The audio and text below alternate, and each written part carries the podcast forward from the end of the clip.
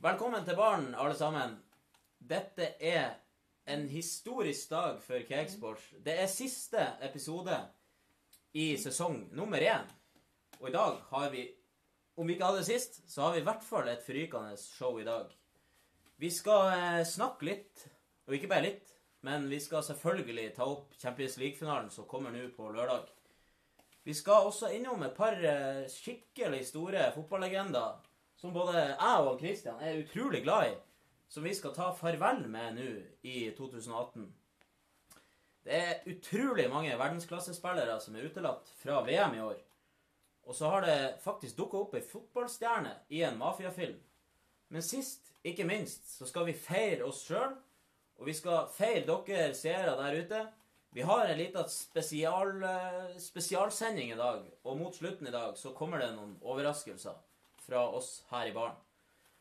Dette er som vanlig Cakesports Live, og takk for at du er her. Følg med.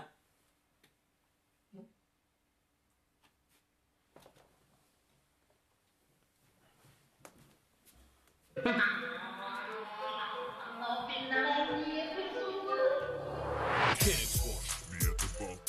vi er tilbake, vi er tilbake. Det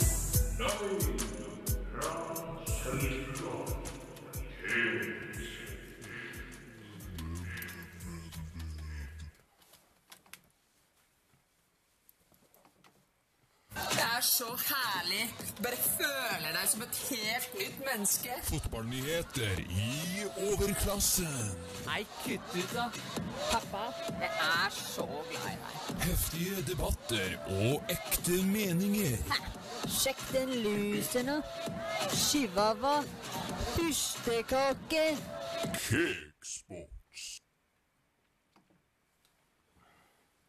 Da var vi her igjen, og det er for siste gang i år. Eller er det det? Vi eh, er utrolig glad for å være tilbake. Episode 18. Og eh, i dag er en litt trist dag, så vi har eh, laga et litt spesielt eh, opplegg. For eh, deg som er glad i cakesport, så er det bare å følge med. Og mens vi snakker her nå i baren, så er det faktisk Champions League-finale i, eh, i eh, damefotballen. Det er Lyon mot Eller Wolfsburg mot Lyon. Og akkurat der blir det 3-1 til Lyon. Og det er et nydelig mål som settes på litt sånn heldigvis. Og det er jo Ada Hegerberg eh, som skåra det målet. Og det Hun er skriker, hun jubler, hun hyler. Det er fantastisk. Og er et dramatikk i finalen. Wolfsburg tar ledelsen i første ekstraomgang. Ja, det gjorde de, men så blir det 1-1. 1-2, og sannelig blir det ikke 1-3 før første ekstraomgang er ferdig. Det er jo ikke til å tro. Men de leder 1-0, og så fikk de rødt kort. Og det er jo helt utrolig at vi får det nå. Med en gang vi er live, så får vi et mål på rappen av vår elskede Ada, som skåra i en Champions League-finale. Og hadde vel assist på 1-2. Så det er en fantastisk dag for norsk fotball. Og for damefotballen. Og vi heier på damene. Det er flott å se at det blir eh, satt frem i lyset klokka seks på en torsdags ettermiddag. Det er ikke verst, bare det. Og eh, for deg som er glad i fotball og har valgt å se på Cakesports i stedet for Champions League-finalen, så eh, får vi jo bare si takk til deg. For kvaliteten her i baren, den er veldig bra. I dag skal vi snakke om eh, litt av hvert, som jeg nevnte i introen.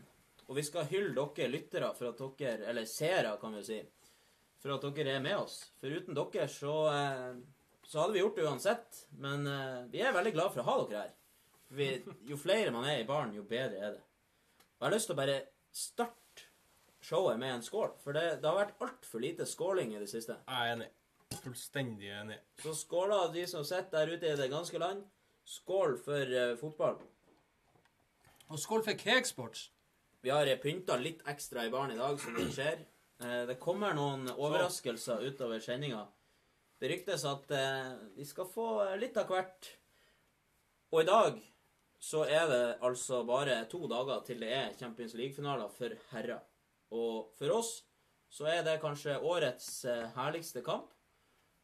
Og i år så er det Manchester eh, Jeg holdt på å si Manchester Real Madrid mot Liverpool. Og det er jo Det er jo kremen av kremen, for det er to lag som har vunnet mange titler i den europeiske turneringa. Ja, absolutt.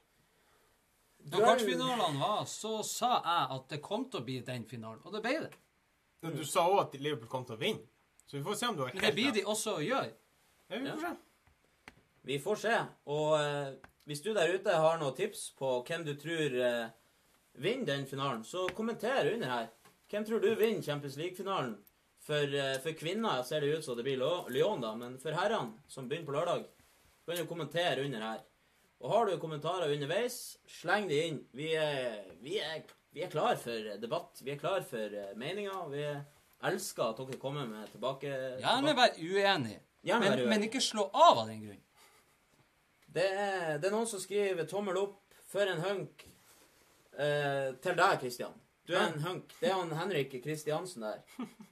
Så da syns jeg du skal takke han Henrik Kristiansen. Hjertelig, hjertelig.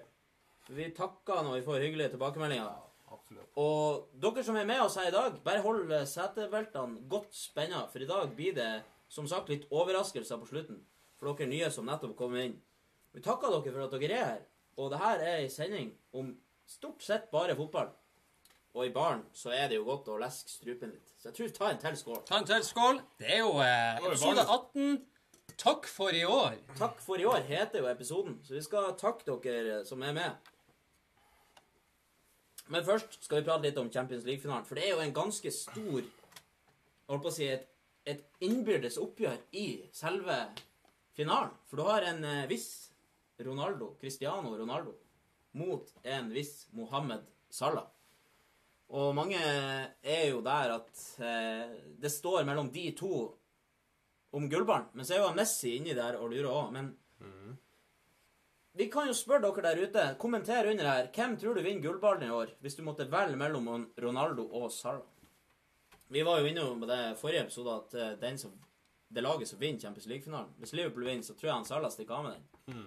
Og motsatt. Hvis Real Madrid vinner, så tar han Ronaldo den. Jeg tror jo faktisk at Ronaldo egentlig må avgjøre finalen for at Ronaldo skal få den prisen. Det tror jeg. For han, har, han hadde jo en eh, Han starta jo året veldig bra. Bedre enn han noen gang har gjort. Men så han hatt en liten dupp etterpå òg, hvis du kan kalle det, til å være han. Til å har være han. vært helt Han Salah har jo hatt en sånn jevn stigning hele tida. Og Messi er jo Messi. Og har- er øverst på alt av statistikker denne sesongen i La Liga. Så jeg tror at han Ronaldo må la oss si, skåre to mål og avgjøre Champions League-finalen for at han skal få den. Hvis ikke, Salah er en liten outsider der eh, Jeg har nesten så har en følelse på at det er VM kommer til å være med og bestemme det her òg, da. Det er jo klart. Det er jo klart. Det, er et veldig Så det er jo poeng. ikke avgjort, selv om Real Madrid vinner, så blir det ikke avgjort at han blir å vinne. Salah blir jo selvfølgelig ikke å eh, blir- han vinne blir VM med ja. Egypt. Man kan jo gjøre et meget bra VM for det. Det kan man absolutt gjøre. Mm. Men eh, hvis vi tar ser bort ifra VM, Ja, beste spilleren i Europa i år, Ja, det er jeg enig så er det Jeg ville nesten For min del Jeg tenker Messi, Salah er jevnt der, og så har du en Ronaldo som han lurer under der, og kan bekke over hvis han eh, gjør en stor finale. Vi får se om den egyptiske guden klarer å hamle opp med den europeiske guden. For jeg leste en plass at han Ronaldo han har vel rundt 149 eller 100, rundt sånn ca. 149 mål i Champions League totalt. Og det er helt vilt å tenke på. Eh, mens eh, Liverpool-laget har eh, rundt 40-50 mål totalt innad laget. Så eh, Nå skal ikke jeg si 100 sikkert men at det stemmer, de tallene har kommet opp her nå, men har Ronaldo har i hvert fall skåra over dobbelt så mange mål i Champions League som hele Liverpool, eh, det laget som er hos Liverpool nå, har gjort i Champions League. Så det er David mot Goliat. Eh, videre så har vi jo hatt en del store fotballnavn som har gått ut med sine spådommer om finalen. Vi har jo en del Bosk som har vært og sagt eh, at han kan ikke finne en eneste spiller på Liverpool som kunne ha erstatta noen på Real Madrid. Er du enig i det, Ivar? Det er nå det blir interessant. Det er nå det det, blir det blir interessant. Det er nå de ærlige meningene det er kommer vi frem. med Det er nå pisken kommer. For nå skal vi bli uvenner i baren òg, er ikke det? Ja. Nei, eh, det, det, de naturlige for min del Jeg må bare skyte inn først. Han Sindre han sier takk for drakta vi sendte han i posten.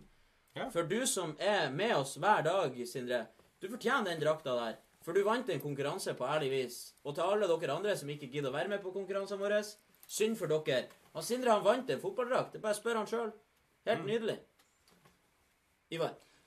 Det naturlige er jo selvfølgelig eh, Første punktet er han Salla på eh, høyre kant. Man kan jo selvfølgelig ikke si Nå har jeg også sagt tidligere i en episode at jeg tror ikke han ville heva Real Madrid eller Bayern München, men vi, skal ta, vi må jo ta sesongen og formen sånn som den er. Selvfølgelig hadde han gått inn på Real Madrid. du skifta jo mening utover sesongen, da. Jo, men eh, selvfølgelig, det problemet med at du har din beste sesong noensinne, er at du kan jo bare gjøre det dårligere neste sesongen. Men selvfølgelig, hvis du tar sesongen i betraktning, så er selvfølgelig han Salah naturlig inn på eh, høyre kant der. Så har du Benzema. Jeg tror at Firmino kunne gjort en like god jobb som Benzema gjør på topp. Jo, det tror jeg. Det er ikke noe tvil om det. Ja, men, men også der. Ja, denne sesongen, men Over så lang tid. Han har vært stabilt god. Han har bare endelig skåra veldig mye mål i år. Så han vises litt mer. Jo, men jeg tror, jeg tror ikke han eh, Selvfølgelig, han Firmi, formen til han Firmino er jo bedre enn Benzema sin denne sesongen. Det er det jo ingen tvil om. Det det ingen Men jeg tror ikke han Firmino, den spilleren, den spisstypen han er, er ikke den spisstypen som Real Madrid ville ha hatt, hvis du ser opp gjennom årene. De har mer den der goalgetteren som, eh, som bare putter inn mål etter mål. Men så Firmino er perfekt for den måten han Benzema har jo vært mer tilrettelegger enn målskårer det siste året. Må da. jo huske at de har en Ronaldo nå, som er den goalgetteren. Ja, Så han er jo blitt nå fra å være en wing, offensiv midt, til å Ja. være en spissmaskin. og Benzema har jo Han har jo ikke så mye mål som han hadde før.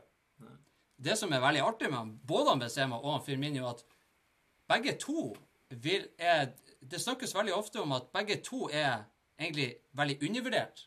Ja. Fordi at han Benzema Alle sier han Benzema han er jo ikke noe stor, han er jo ikke noe Hva sier han er god? Han er jo tidenes eh, mestskårende franske spiller i Champions League. Han skåra over 110 mål eller noe sånt for Real Madrid. Selvfølgelig er han jo en god fotballspiller. Og det her er faktisk mens Ronaldo har vært i klubben og skåra så mange mål som han har gjort. Jo, men hvor mange assist har han Benzema til Ronaldo? Det er ikke få. Nei, det er ikke få. Nå er jo han Benzema at, en god fotballspiller. Jo, men han gjør andre bedre, liksom. ja, det Nei, sies at han, han Ronaldo setter han Benzema han og Marcelo er liksom de han setter høyest i Real Madrid-laget. For han mener at Benzema gjør han så god. Det første han Ronaldo sprengte når Real Madrid vinner en kamp, eller går videre, så er det at han sprenger bort han Benzema. For han har en enorm respekt for han Benzema. Ja. Men jeg tror at han passer perfekt inn for Ronaldo, og Firmino han passer perfekt inn for de fra Salah og fra Mané. Så det er jo der De hadde jo ikke Hvorfor skulle du bytte? De hadde kanskje ikke vært til, tilbake til spørsmålet. Er det, er det kun han Salah som hadde gått rett inn på eh, laget til Real Madrid? For min del, eh, hvis jeg må svare eh, Ja eller nei? ut ifra denne sesongen, Ja, altså akkurat her og nå. her og nå Salah Jeg kan si 50% på Firmino, og så vil jeg pat- putte inn han van Dijk Ja. I lag med si det. Sergio Ramos. Jeg satt bare og venta på det. Skulle jeg nevne det hvis du ikke gjorde det? Det Det ville jeg er de tre spillerne du òg mener, Kristian? Ja. Det beste jeg faktisk har lest på internett på lang tid, det var i et kommentarfelt på Facebook i dag, uten å kommentere hvilken side det var, så var det akkurat det her spørsmålet. Og da var det en Liverpool-supporter som hadde sagt at han uten tvil ville ha tatt inn han Robertsen. Jeg skal ikke si at han Robertsen ikke har gjort en god sesong. Det har han gjort. Han ville aldri ha bytta han Robertsen mot han Marcelo. Nei, det er jo Og da, da Vet du hva? Det, den diskusjonen som oppstår av akkurat Ja, det, det- der Jeg lå, og flira. Jeg lå og leste i 20 minutter. Du aner ikke. Og så fikk jeg lyst til å kommentere. Men jeg kan ikke gjøre det for at jeg er profesjonell. Jeg er blitt uh, kjent. Eh, Nå er jeg uh, kjendis, nesten. Så jeg kan ikke bare gå inn og kommentere. Det, må være profesjonell.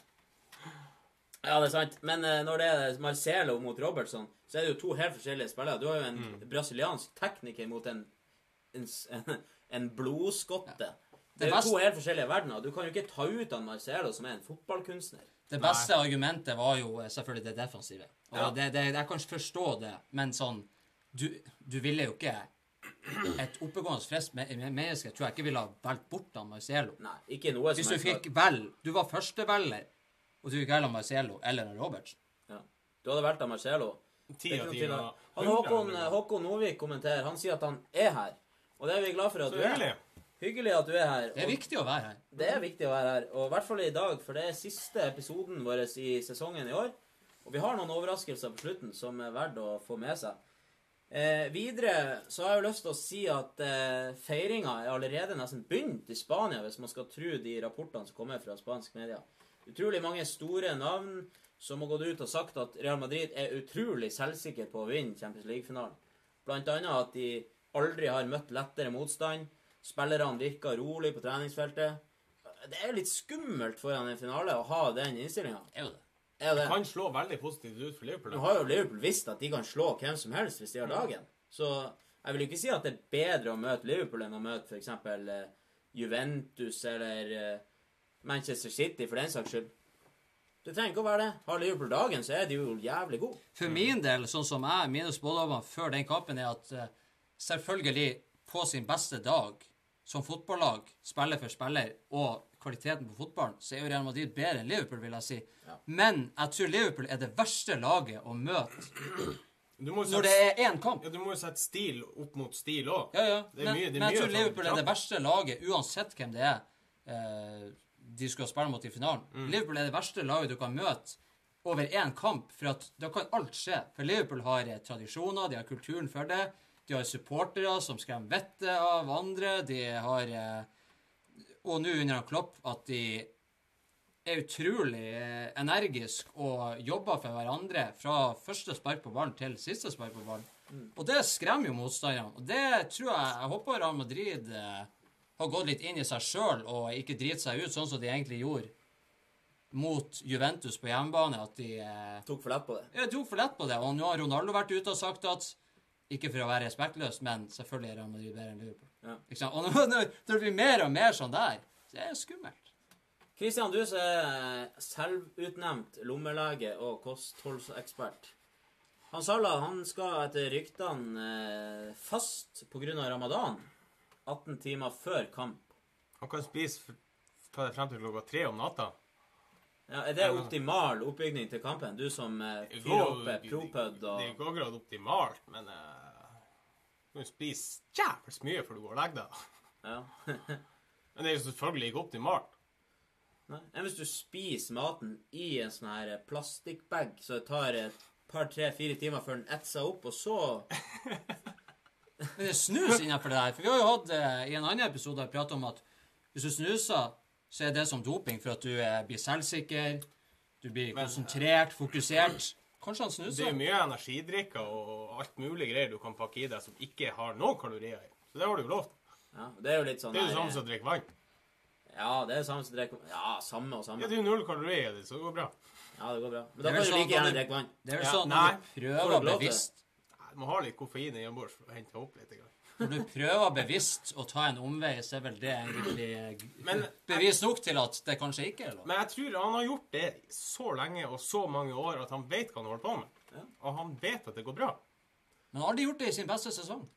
Vi får se. Kan- Han har jo aldri vært i en Champions League-finale før heller. Nei, men du kan faste over lang tid. Det er bare at du gjør kroppen vant til det, så er det ikke noe problem. Vi får se. Han har jo egyptiske krefter, han Mo Salah, så det kan hende at han får hjelp fra den store faraoen nede i Egypt.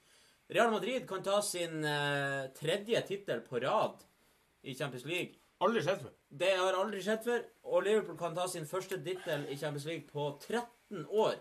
Så det er jo litt David mot Goliat. Men eh, det er to finalister som har fortjent å være der de er. Og det blir utrolig spennende. Så Vi ønsker alle Real Madrid og Liverpool-supportere lykke til. Og eh, måtte det beste laget vinne. Det eneste ønsket jeg har for den kampen, det er at det ikke blir noen kontroversielle avgjørelser.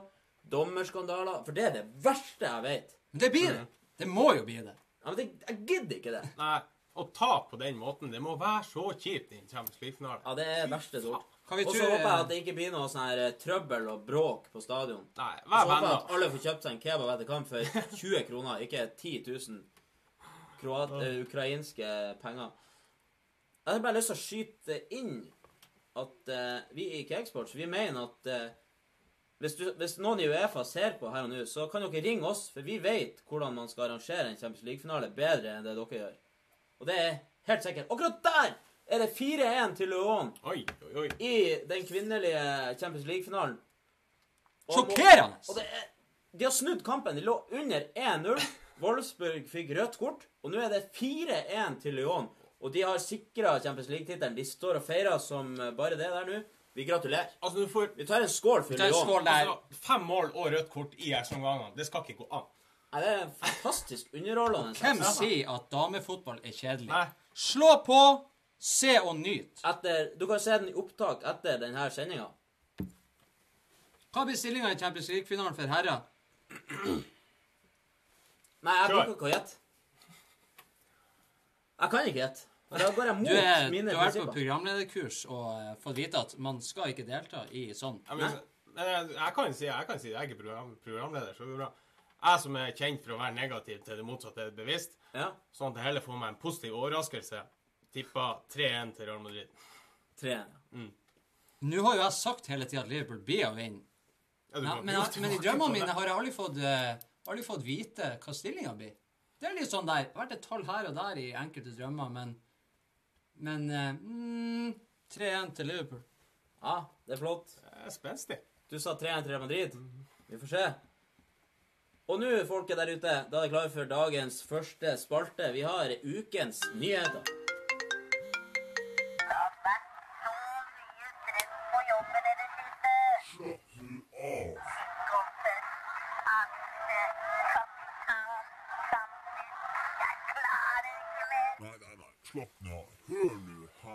Her. Sports Live gir deg ukens nyheter. Tre nyheter håndplukket av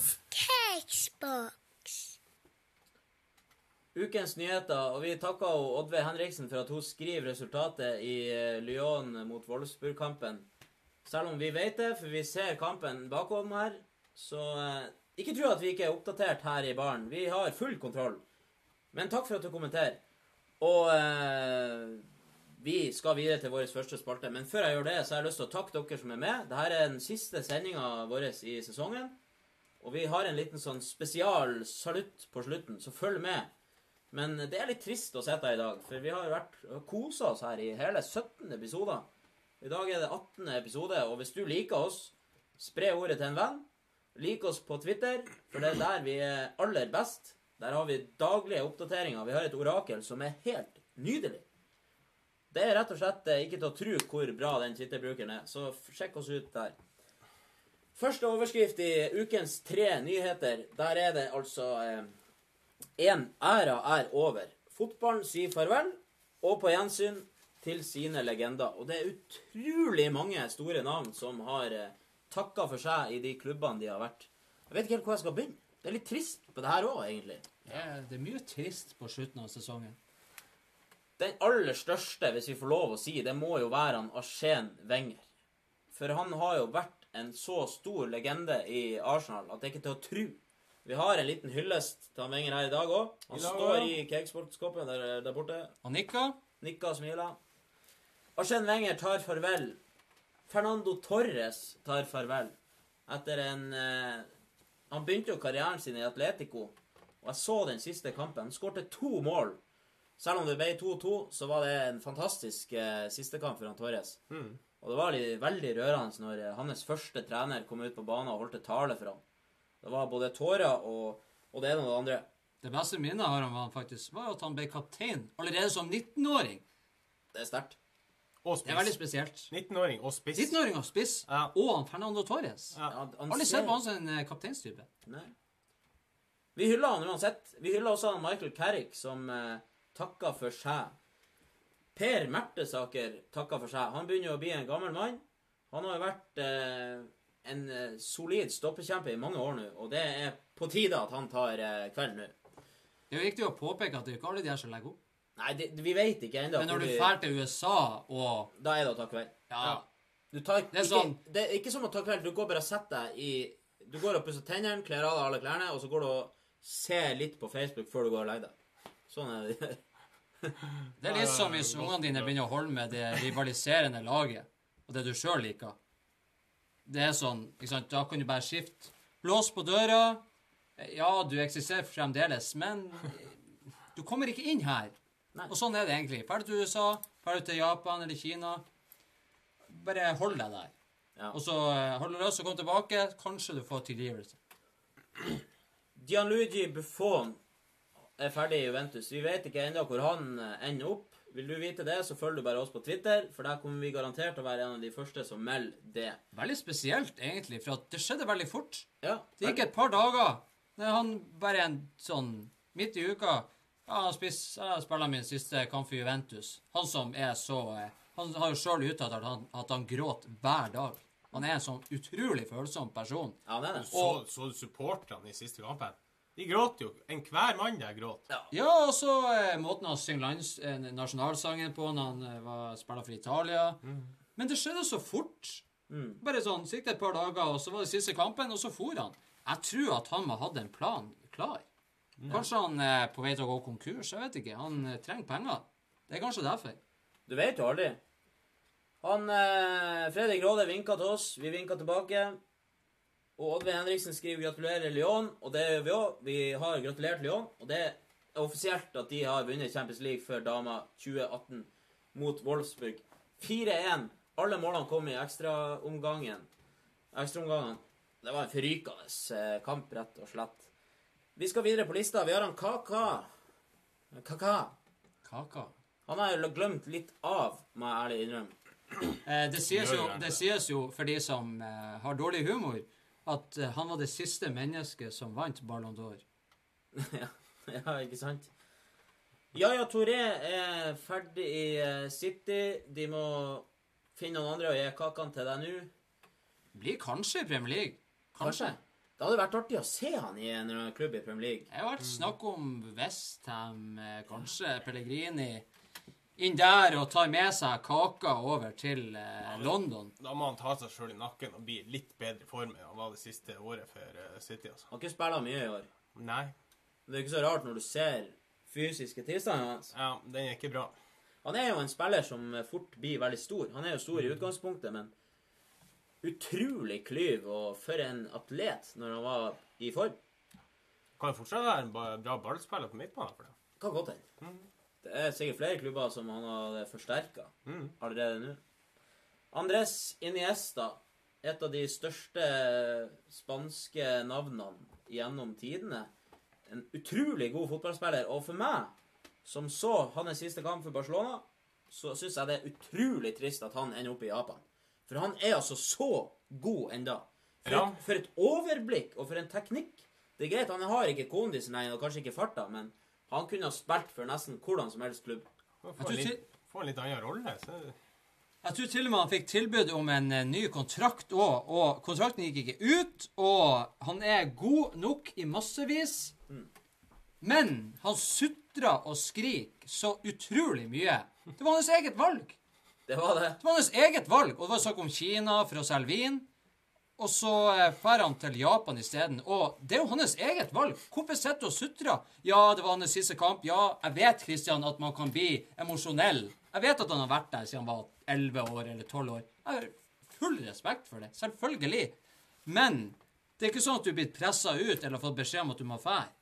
Han satt igjen på natta, ikke sant? Han satt alene på banen. Han satt alene på banen på natta liksom, for at han skulle sitte der. Selvfølgelig gjør han det. Han vet jo at folk står og tar bilde fordi at det legges ut på Twitter. Det er kun derfor han gjør det, sikkert. Sitter der for seg sjøl og sutrer på banen. Nei, det, den, tar, den kjøper jeg ikke. Så, uh, Ivar kjøper ikke den. så han drar til uh, Han drar til uh, Han ble klar for eh, i dag, mener jeg Ja, offisielt. for den japanske klubben, og da får Lukas Podolsky som sin kaptein laget som ligger på jeg tror ligger på en god ellevteplass i japansk serie. To, tre, tre år. Han er jo faktisk Og det bildet som de la ut Det bildet som de la ut Når du sendte det til meg før i dag, så, så tenkte jeg sånn De har redigert det her sånn at han skal se mer japansk ut. Gå inn og se det.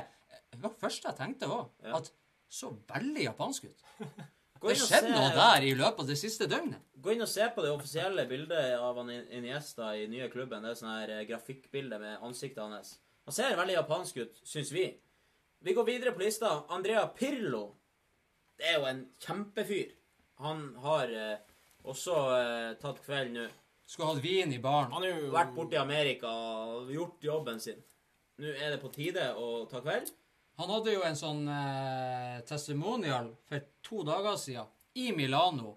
Ja, Og den, eh, den lineupen som var der, den var det fin. er en for, hi for Det historiebøker. er det sykeste jeg har sett. Ja, det er det sykeste jeg har sett. Det var Ronaldinho, Ja. det var Elf eh, Il Fenomeno, Det var eh, Cafu var der. Del Piero Sedorf, Insagi. Alle de store beste som har vært i Serie A noensinne. Baggio. Helt utrolig. Ja, helt nydelig. Til og med han Lampert var der. Ja, av en eller annen grunn. De har vært i Amerika og sikkert møttes der. Bare, ja, Det er sånn, Hva er størst? Champions League-finalen eller testimonialkampen av Pirlo? Det er ikke dumt! Den er ikke var det ble 7-7 i den kampen, tror jeg. Ja, det burde det minst ha blitt. Ja. Siste spiller vi har med her, er han Tiago Motta. Han er også ferdig. Og eh, det er jo en, en knippe spillere her som vi kommer til å savne. Så vi utbringer nok en skål for dere spillerne.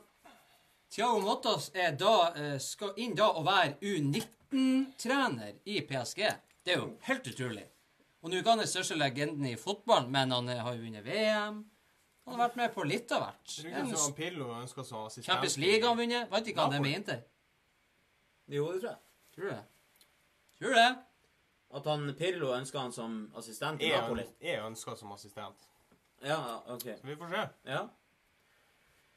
Vi går videre til neste nyhet. Eh, der er altså overskrifta 'Verdensklassespillere utelatt fra VM i Russland'. Kunne laga sitt eget VM. Kunne laga et eget VM. Utrolig mange som vi har bedt oss merke i her.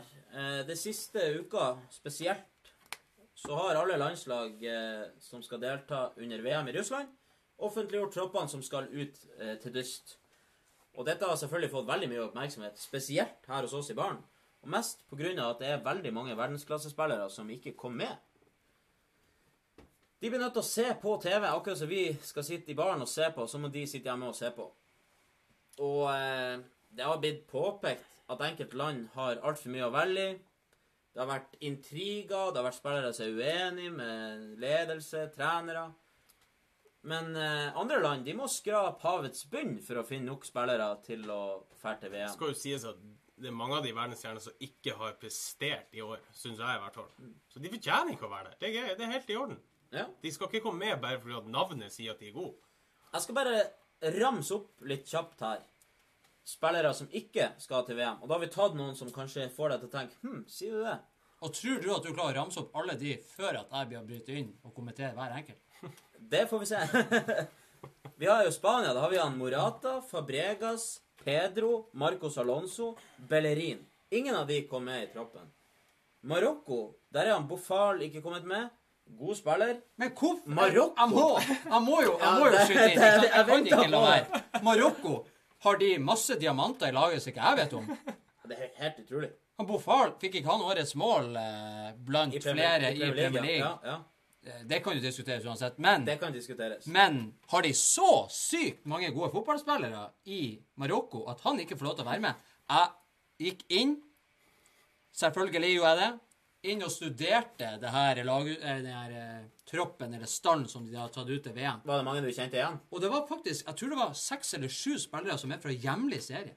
Ja, det er Ja, utrolig. men de landene der er gjerne at de tar med veldig mange spillere fra hjemlig serie. Du er- Ser nå Brasil, og de tar jo med halve troppen spillere i Brasil. Men jeg har kommentert flere ganger når Bofal spiller for Ja. Southampton at jeg syns faen meg han er god.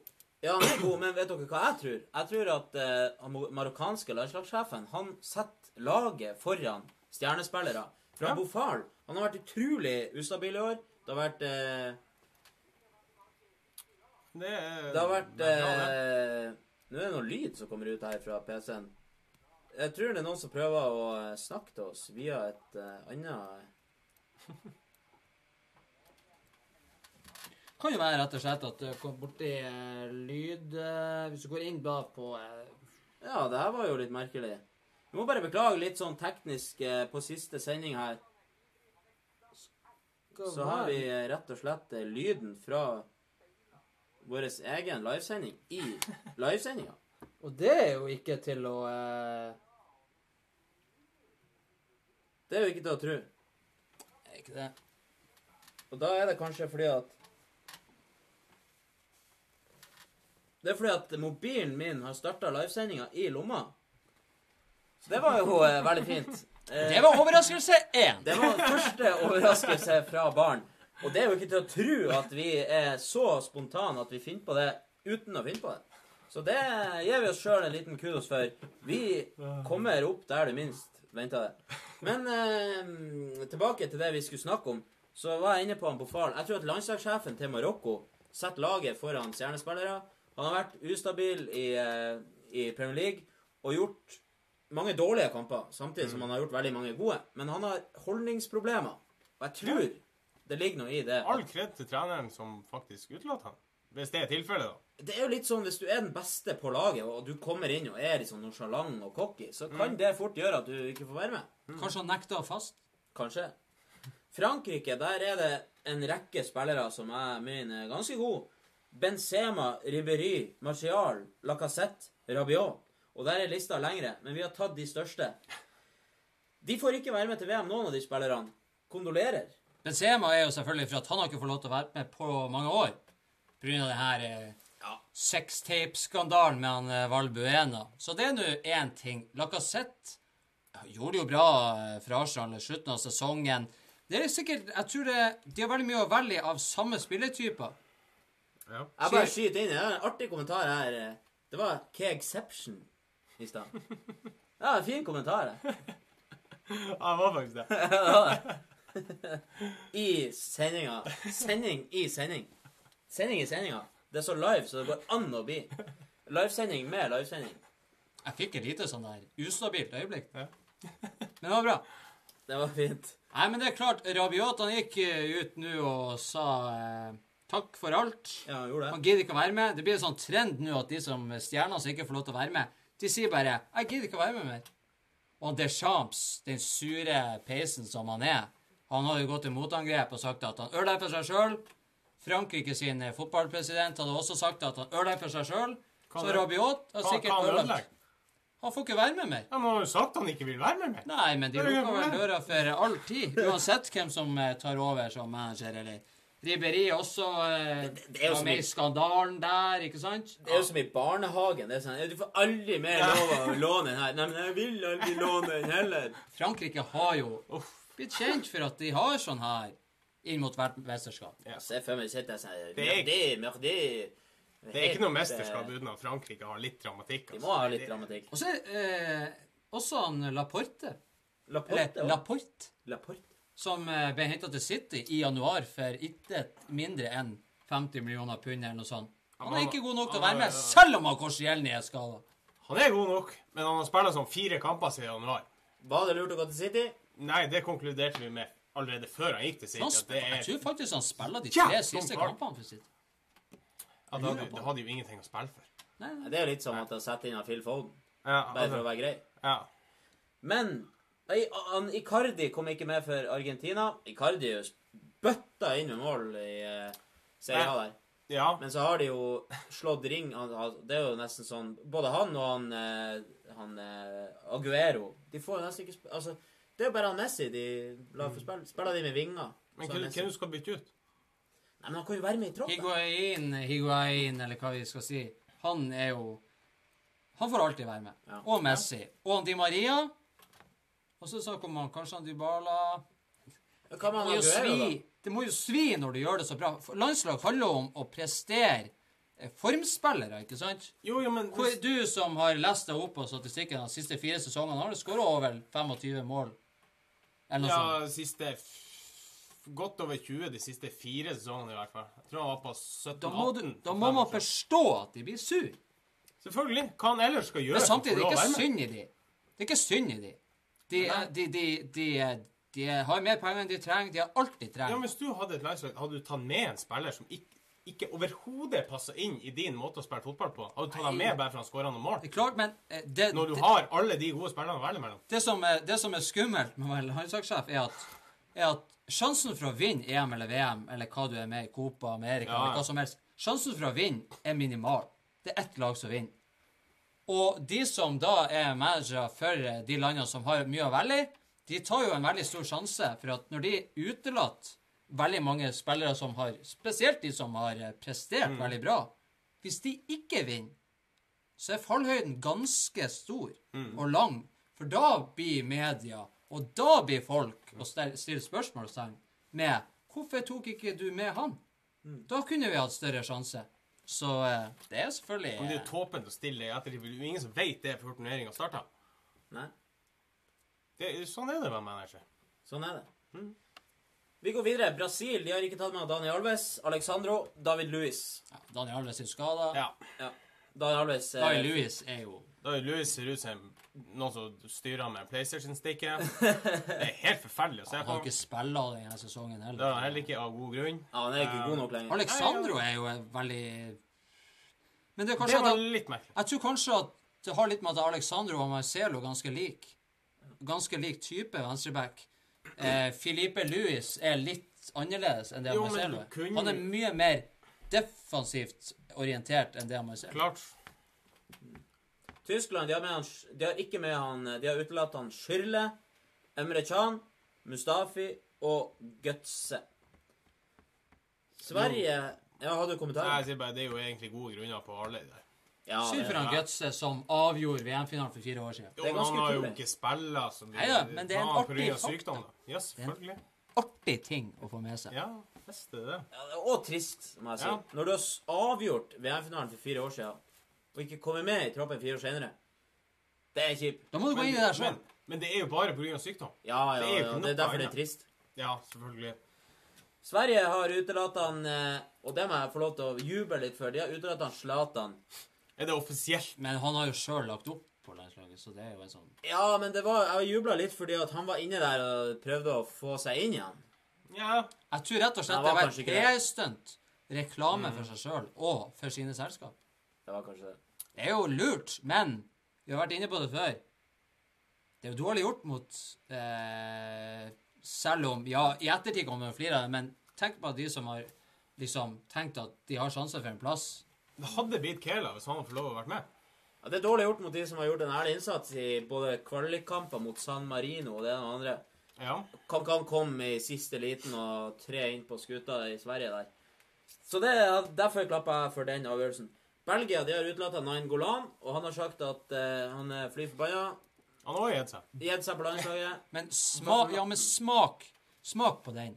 Den syns jeg egentlig er kanskje er det de mest interessante. Fordi at det her er en spiller som har vært linka til eh, spesielt Chelsea mye de siste årene. Og egentlig alle storklubbene i Europa. Det har vært snakk om 50, 60, opp i 70 millioner pund for han. Han skal være utrolig god. Han er jævlig god når jeg ser at han spiller. Eh, var i semifinalen for Roma eh, i Champions League mot Liverpool. Eh, Han skåra jo et par mål, men han ble jo også eh, avgjørende i den tabba han gjorde der. Men samtidig en som har tydeligvis prestert, og det de som følger med på Serie A, eksperter og, og media, sier at han har vært en av de beste midtbanespillerne i Serie A, Ja. italiensk fotball, i de siste fire-fem årene. Eller noe sånt. Og, og når han da på en måte har vært i semifinale i Champions League, da er han jo på et høyt nivå. Og så blir du da danka ut av han Chadli, Ja, som spiller i West Bromwich, som rykka ned, som endte sist i Premier League. Ja, det kan godt hende at det er en annen spilletype, men helt ærlig, går det egentlig an? Det må jo være noen intriger inni der. Det må være Fellaini kan du forstå. Han er jo et angrepsvåpen i seg sjøl, Ja, at du lemper inn ballen. At du har noen som sånn der da. Men det er jo Chadli. Jeg skjønner godt at han Angolan blir forbanna. Mm. Tenk deg hvor mye penger han bruker på håret. Og, Og på eh, tatovering. og har verdens styggeste tatovering. for å se ut som en jævel, eller hva han ønsker å se ut som. Nei, det, den den var faktisk eh, Det kan være takt, selvfølgelig er taktiske grunner, men han har alltid vært fast på landslaget. Og han blir ikke tatt med Han blir ikke tatt med engang. Det er for meg Det, du kan ikke si annet. Treneren sa det var taktiske årsaker, men Men det, det går ikke an. det, det, Det, det går ikke. Det er jo løgn og bedrageri. Ja. Det er jo et eller Hvis annet Belgia vinner VM, kom og Ja, meg opp i trynet. Vær så snill. Men ut ifra form og prestasjoner så kan ikke jeg forstå at det har skjedd. Ja. Og litt som eh, vi har tatt med her, så er det bare for å sette det litt på spissen, da. Du har Frankrike, som har alle spillerne. Benzema, Ribéry, Martial, Lacassette, Rabiot osv. Det er Valget skvaler. Det er umulig å velge. Men så har du England, som driver og krangler hvem de skal ta med. Skal vi ta med han Livermore, eller skal vi ta med han Shelby? Jeg så han var i diskusjon Shelby. han måtte jeg flire litt. i gang. Ja, det er, det er for å sette det på spissen. Ja, men er det verre å ta med han Shelby? Jeg så det var i, var i Nei, det er ikke noe verre å ta med han Shelby enn å ta med han Livermore. Men Southgate, Southgate var bekymra for Shelby sin, eh, sin eh, disiplin. Ja, det her med at han eh, stempla ned folk og sånn. Jeg tror han eh, Jeg mener å sjekke at han Skjelvi har ikke fått kort siden desember måned. Og Livermore han ble jo tatt i å fyllekjøre med en taxi. Og stjal jo en taxi i fylla. Det er mye bedre. Hvis du da skal Hvis du, hvis du da skal liksom eh, Disiplin Kødda du? Ja, det er helt sjukt. Vi går videre. En herlig debatt i baren. Takk for at dere er med oss. Følg oss på Twitter, Cakesports. Der er det daglige oppdateringer av vårt orakel. Og sist, men ikke minst, ta nå og skriv en liten kommentar til oss. Skriv hei til oss, eller Og det hjelper jo oss til å bli spredd litt ut på Facebook, for det er akkurat det vi har lyst til. Det at vi skal dele Del vår verden med dere der ute, så får dere et bedre liv. Enklere Ja. hverdag. Du kan si til kollegaen din Jeg hørte i går de her karene som sitter i baren og drikker øl. Vet du hva de sa for noe? De sa at han eh, Bofal var utelatt fra Marokko sin tropp. Og den er ikke dum. Det visste du kanskje ikke hvis du ikke så på Cakesports. Og eh, derfor vil vi ha deg med her i dag. Neste overskrift. Michel Platini innrømmer kampfiksing. Korrupsjon. Ja, det har vi sagt i flere år. Jeg skal oppsummere det veldig enkelt. Og David sa kolon Da må han i fengsel. Ja. Han må jo Han skal jo egentlig i Det er kun i fotball at du kan gjøre ulovlige ting. Ja. Du ser det gang Og på så gang. blir du kun utestengt fra fotballen. Du blir ikke utestengt fra noe annet. Du blir utestengt fra fotballen. Du må ikke i fengsel, du må ingenting. Nei. Kanskje får ei bot eller noe sånt. Ja, ja. Fikk jo han Falcao-bot i dag eller i går eller hva det var. Skatt og greier. Han bor i Monaco, ikke sant? Der er det ikke skatt. Hvordan klarer du å bli tatt for å ikke gi det penger når du ikke betaler skatt? 85 millioner må betale tilbake, selv om det ikke har noe med det her å gjøre. Og han fikk 60 dager betinga fengsel. Og alle fotballstjerner får betinga fengsel. Hadde du gjort Platini. det? Hadde du gjort det? Selvfølgelig hadde jeg ikke gjort det. Nei, hadde hadde jeg du fått gjort det, en Ferrari, så lang jeg hadde fått én Ferrari, så hadde jeg vært fornøyd. Ja, kunne bodd i hadde, et skur. hadde du gjort det samme? Du har sittet inne i lang tid. Ja, hvis jeg- ja. rett i fengsel. Hvis jeg, ja, ja, hvis jeg hadde gjort det utafor fotballen, ja. Platini han er Ja, jo ute utestengt for fotballen fordi at han har eh, Han hadde fått mottatt mottatt 17 millioner fra Fifa. Eller hva. Ja, under bordet. 20 år etter at Frankrike tok VM-gull mot eh, Brasil i Frankrike, så kommer han Platini ut med en eh, mildt sagt sjokkerende nyhet. Han Platini, som var med og leda organisasjons, organisasjonskomiteen, uttaler at kampoppsettet det ble laga til sånn at eh, Brasil og Frankrike ikke skulle møtes før i finalen. Men jeg skjønner ikke det er sånn som Platini som har vært en så stor fotballspiller, og så sitter du i styret med på alt det dritten der, og så, og så går du med på noe sånt. Altså, Ja. de, de, må, de, de er jo flere stykker som sitter i lag og styrer det der. Og alle skal jo være enstemmige at det her, ja, det her skal vi gjøre. Og så går det utover han. Platini til slutt, fordi at han er den mest kjente der. Ja, ja. Men det er mange som tar seg betalt for å bli rævpult, for Ja. å si det sånn. Så det han Platini han driver på med, med Hva det heter Han er jo et bordell, hele fyren. Han Ja. blir jo idiot. Men det blir jo kommet med. Nå, har han letta litt på trykket. Altså, han blir jo fortsatt etter hvert. Jeg vet ikke når tid det kommer, men det blir jo kommet. Men hvordan kan du innrømme noe sånn, Ja, vet... og så skjer det ikke noe? Ja, det skjer ingenting. Ja, fordi at han er allerede utestengt. Du kan ikke gjøre noe. I hvordan som helst yrke i verden, så hadde du gjort det her, så du havnet i fengsel. Ja. Det er jo juks, Det er bedrageri, det er kriminalitet på høyt nivå.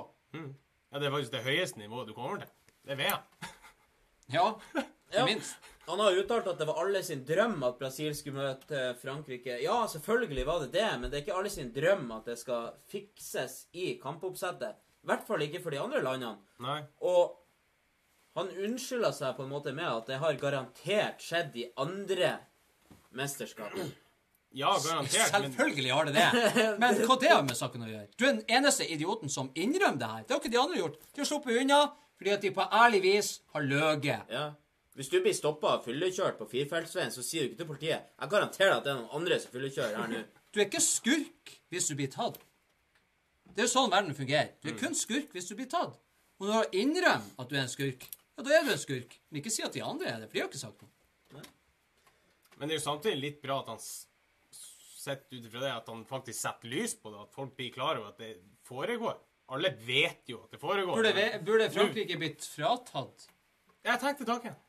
VM-gull? Men du kan jo tenke, ikke sant, hadde Frankrike møtt Brasil i la oss si, kvartfinalen, så hadde en av de lagene vært borte, og så hadde andre lag kommet seg til finalen. Til syvende og sist selvfølgelig så er det jo sånn at det beste laget vinner. Er det sånn? Ja, men Det var jo nummer én Ja. på rankingen mot nummer to, men det er ingen unnskyldning.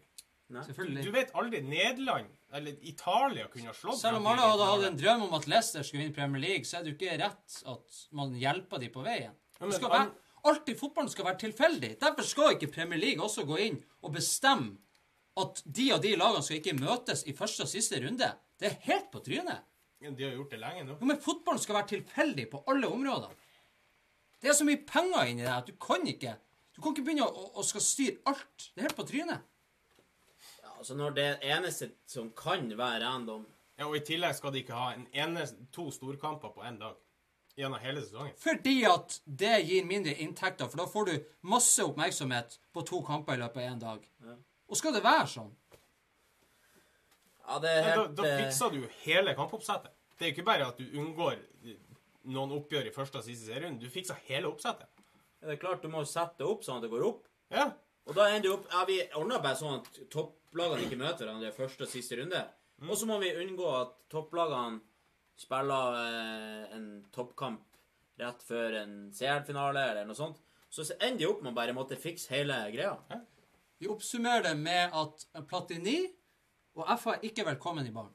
Ikke velkommen i baren. Ikke Fifa heller. Ikke Uefa heller. Ingen av dem. med mindre vi får arrangere eh, VM eller eh, neste trekking. Da kan de komme og snakke med oss. Men nå skal vi ha årets Ikke årets, men det, det er det som er problemet mitt. Det er at hver fotballsesong så tror jeg det er nytt år i juni. Eller mai-juni. Jeg tror at nå er det snart 2019, men det er jo ikke det. Det er jo en ny sesong. Det er det, men det er derfor vi er så unge. Det er det. Og da skal vi ha sesongens siste cakebet. Gutter, aksjene jeg fikk hos pappa har økt med 12 siden sist kvartal. Er ikke det fantastisk? Aksjene, du, liksom. Hva du mener? Har du ikke hørt om Kegbet? Hvis du ikke har hørt om Kegbet før nå, så er det veldig bra, for vi har egentlig ikke lyst til å prate om det. Vi er blitt luta lei, men vi måtte ha det med. Vi har ikke tippa på noen kamper i dag, for uh, vi Det er ikke noe å tippe på. Det er ikke noe tippe på. Selvfølgelig jeg har alltid funnet noe å tippe på, Ja, men ja. vi er rett og slett uh, luta lei av å tippe feil. Altså, jeg har seks på rad. Du har seks feil på rad. Og vi må jo begynne. Jeg skal avbryte dere begge, fordi at straffa, den gjelder fra Sparta begynner. Ja. Daniel, du har tre på Ja, rad. unnskyld. Jeg har seks på rad. Jeg prøvde igjen. Kristian, tar du en for laget? Jeg jeg har jo seks på rad. Du har seks på rad. Du tar den sporty jeg skulle egentlig ha begge på meg. Det er jo helt håpløst. det.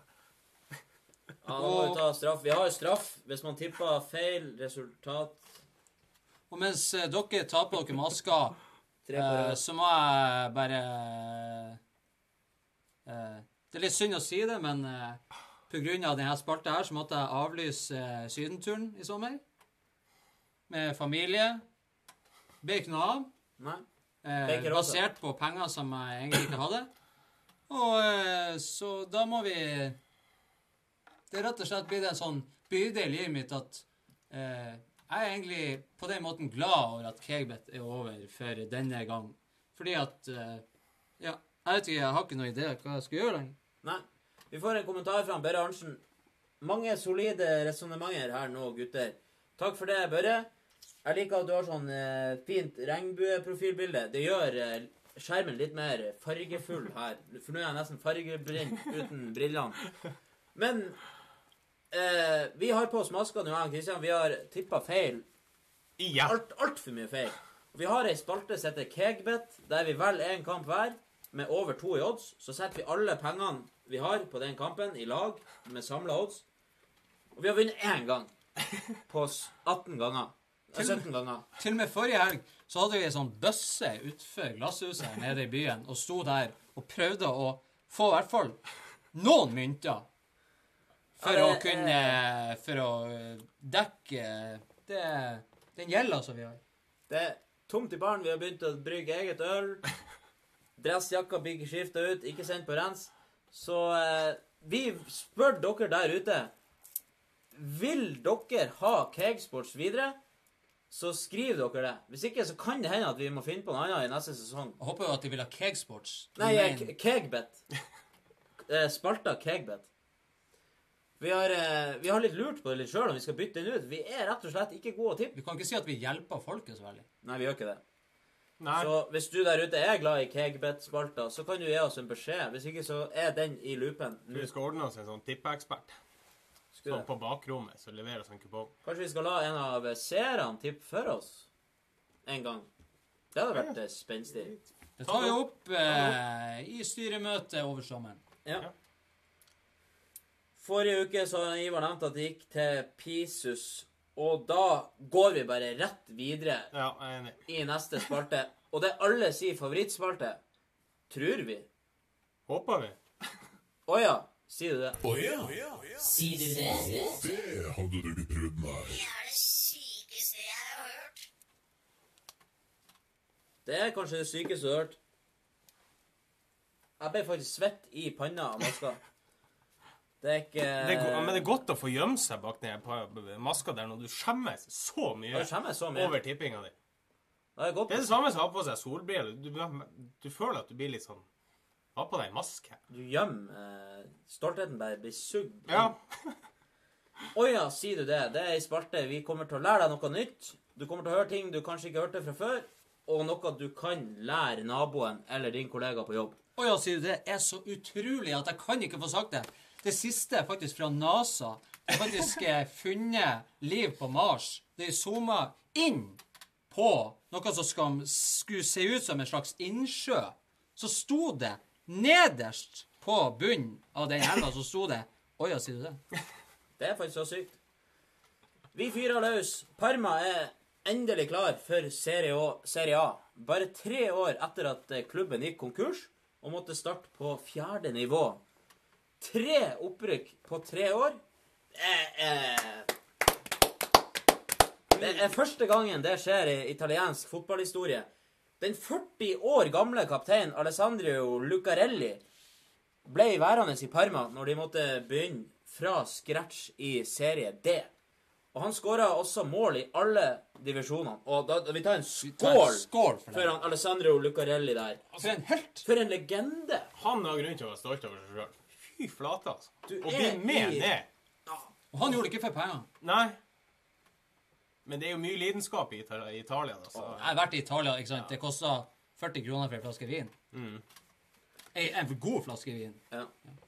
Altså, det, det er rett og slett Det er en pangstart på øya, sier du det. det, det er så, jeg blir så glad i fotballhjertet når jeg hører sånne historier. Hvis du nå hadde bare slutta spalta, så hadde jeg funnet hjem, jeg hadde lagt meg, så sovet godt. Ja. Gianlud, og for dere som ikke har sett hele sendinga, så har vi en overraskelse på slutten. Vi skal feste litt for dere der ute. Vi Siste sending i årets eh, sesong. Eller årets sesong. Vi, I første sesong, kan vi vel kanskje si. Og vi takker dere for kommentarer og innspill. Bare kom eh, mer med det. Gianluigi Buffon har spilt 640 kamper i Serie A. Paolo Maldini er den eneste spilleren som har flere, med sine 647. Hvordan går det an når du har vært fast førstekeeper i alle år? Det var det første jeg tenkte Ja. jeg så det der. Hvordan klarer han eh, Maldini? Og Maldini må jo spille noe helt sinnssykt med Det var bare Serie A-kamper, ikke sant? Ja. Ja. Uh, det er rett og slett helt utrolig. Og han, som keeper så er du jo garantert å få spille med mindre du er skada. Når du er. Kjedelig å være sju ifra. Ja, det er kjedelig. Hvorfor gir du deg da? Ta den sesongen. Sesongen er jo ganske lang, da, så det må jo være en ganske lang sesong når du har tatt igjen de sju. Kanskje han kunne fått sånn her eh, korttidskontrakt. Ja. Tre, to måneder. Spille tre Jeg tror egentlig han er, han er ganske klar over det sjøl, for de har så respekt for han i Italia at Kan jo hende han går til en ny klubb, og så låner de han tilbake for to måneder, og så kommer han tilbake til en ny klubb.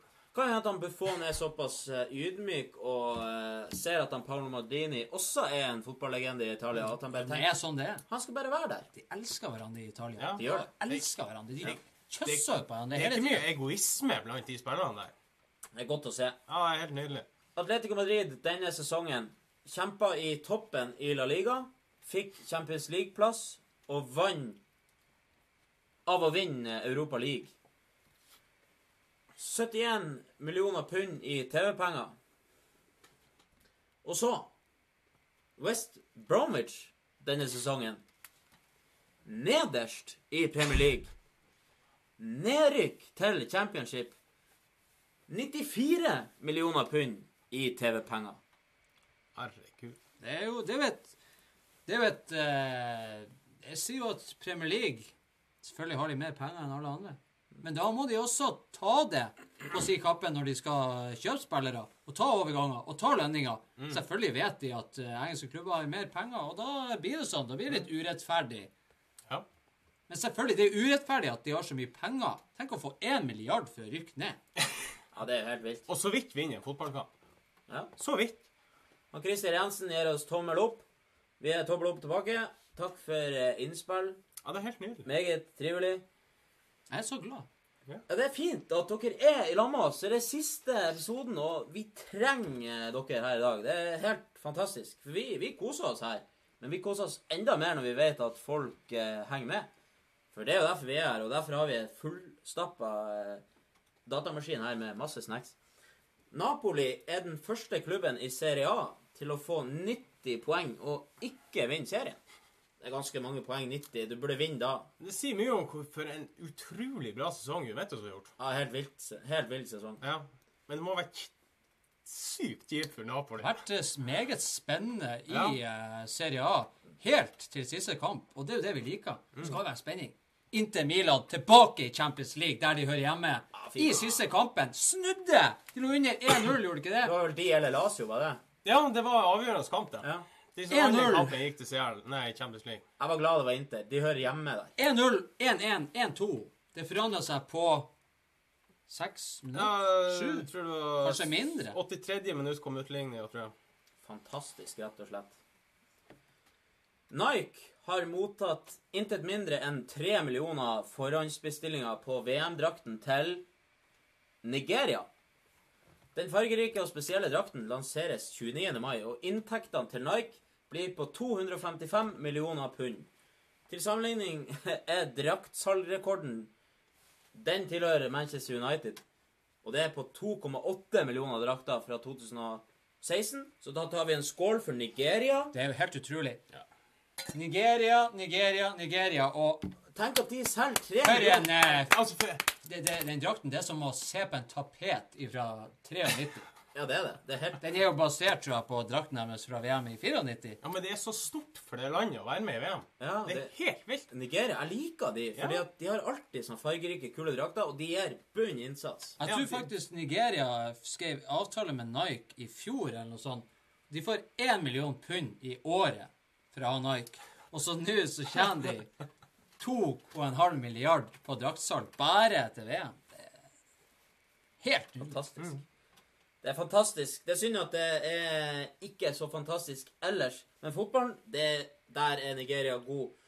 Thomas Tuchel, eh, eller Thomas Tuchel, eller Tukkel, eller hvordan man skal si det. Jævlig usikker på det. Jeg tror andre var rett. Tuchel. Ja.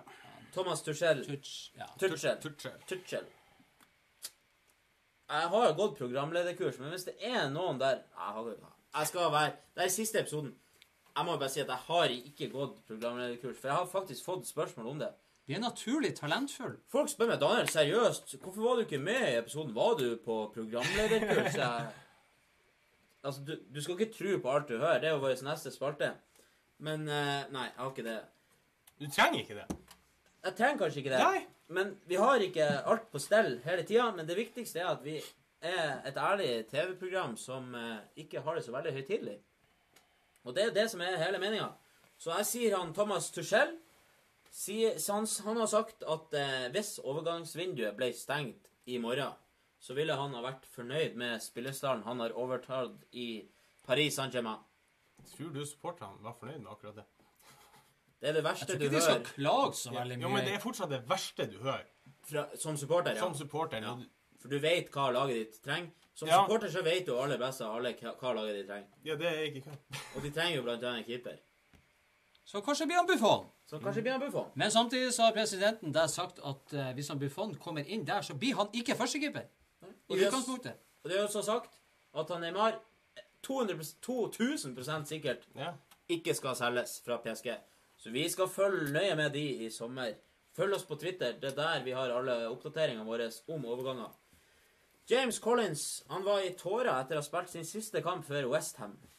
Klubben har nå bekrefta at de har latt ham gå etter elleve års tro tjeneste via e-post.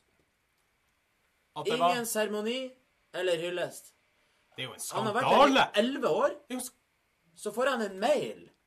Se for deg at du får en mail. Altså, Det er greit nok at jeg hater å få mail, men hvis du får en negativ mail, så er jo det verste i verden. Ja. Men tro å få den fra klubben du har vært i i elleve år, og så er det ingen seremoni, ingen hyllest. Det er jo en skandale. Tror du han tenkte at det var søppelpost? Det kan, det kan jo hende. Kanskje han trodde det var Dere skam. flirer litt. Det var dere som ja, var ja, dumme. fine. Ja, fin.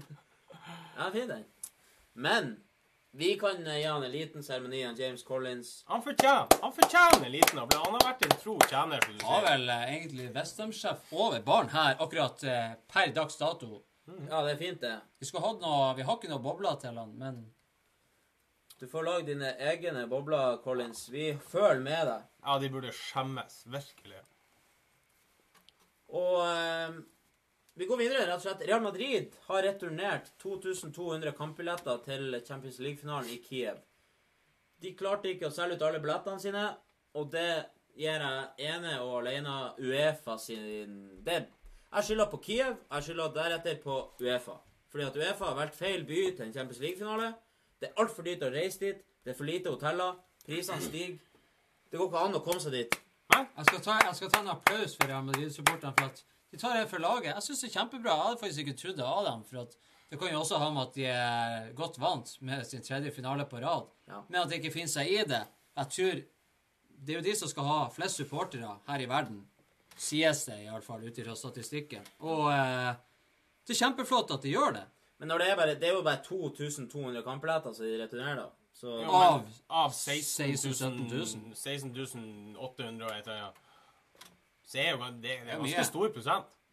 Ja Men det er jo jævlig rart at alle de Real Madrid-supporterne rundt omkring i verden At de ikke klarer å skrape i hop 2500 2200 supportere til. Men kanskje de gjør det av prinsipp? Nei, det der det må du reise til skogs med. De har, de har, eh, det har vært for dyrt, og, eh, og de har ja, det er jo selvfølgelig det. Det er jo for dyrt, og så, eh, og så Men gjør de, de de har ikke gjort det i en protest. Det er jo fordi at de ikke kan Nei, det. nei, nei, det er jo en sånn Men det bør jo, det bør jo Men Uefa det- bør jo få øynene opp da når det, Ja. verdens største lag mangler 2000 supportere. Ja, det er helt sykt. Og så har du På Liverpool-sporterne. grunn av prisen. Og så har du Liverpool-sporterne. De har sittet i hva det er, 13 år nå og spara opp penger. Så de har råd å reise. Ja, det, Og de mange har av de kommer fra Norge, Ja. som er et rikt land. Vi har jo 40 000 Liverpool-sportere her i Norge, og sikkert 3000-4000 skal nedover. Mm. Så, Og så skjedde det jo i dag en ny vri med at var det tre fly fra England som skulle gå i dag over til eh, Kiev. Alt var eh, bestilt på forhånd, og eh, spente supportere. Det var flere hundre supportere, Liverpool-supportere var klart og ferdig. Og så hadde de ikke fått landingstillatelse eller noe sånt. Var det? var Det, var, det, det er sånn her sportsagenturselskap som selger pakker til eh, fotballkamper. Og de har Mm. fucka det opp med å ikke klare å få landingstillatelse i tide. Jo, Så men da- de blir jo kommet altså, kom til finalen. Ja, gjør de det? Ja, det tror jeg virkelig de blir å gjøre. Hvis ikke så blir han Christian å stille opp Altså- som sjåfør. De har Kiev har to flyplasser for bare utenlandsfly. Hvis de ikke får til å lande tre fly i løpet av to døgn, så altså, da er det noe som er virkelig gærent. Og så har de for så vidt Du kan la, De har egen inn, sånn innenlandsreiseflyplass òg, så du kan jo lande der hvis det er krise. ja. Så du har tre flyplasser velge mellom. Du må få til å lande tre fly! Jeg er sikker på at de 400-500 Liverpool-supporterne de hopper jo ut i fallskjerm hvis de Ja, må. det, de gjør faktisk Så de kan bare fly over Kiev, og så sier de 'Nå hopper dere ut', og så lander de utenfor stadion. altså, De kan jo haike dit. Det kan de også gjøre. Ta buss. Og så har jeg lyst til å trekke frem noe som ikke er i manus. Eh, jeg har sett to karer fra Alta. Har dere hørt om dem? Jeg så det. Det er noe av det sykeste jeg har hørt om i hele mitt liv. Så der eh, skal vi helt opp til Alta i Finnmark. Ja. Der er det en kar Og jeg skal si eh, hvor dere skal gå inn for å finne de etterpå. Men der er det altså to kompiser fra Alta som har sykla helt til Kiev. Og de har dokumentert hele reisa på ei Facebook-gruppe med live-videoer og kart og alt sånt. Og tatt selfies og filma underveis. Vært og besøkt folk. Bodd i garasjer til folk på veien. Bodd i telt. Vært og spist her og der. Det er ei utrolig reise. Og de, har, eh, de er straks i Kiev. De har sykla helt siden Det skal det ble klart at Liverpool var Det skal også sies at de har ikke billetter. Nei, de har ikke billetter til kampen. Så Da er det, det, da er det en enda større prestasjon. Kanskje er det en liten sånn der uh, PR-greie for å kanskje Kanskje Få få- billetter. få billetter. Ja. Kanskje får de billettene til de her som ikke kan land med papirflyene i Kiev. Ja, men det er, det er sporty, altså. Det er, jeg satt på gapene og så bare Går det an? Det er helt sjukt. Og de, de, Altså- det er ikke noe godt trente folk. Altså, jeg sykla ikke til butikken. Var det elsykkel? Nei, nei, det var vanlige sykler. Altså. Stopper de på en pub, tar seg en pils, spiser en biff, og så sykler de videre. Ja, men du sier, Jeg sykla ikke til butikken engang. Jeg gidder ikke. Nei, det er helt sykt. Og så- en av dem røyka òg.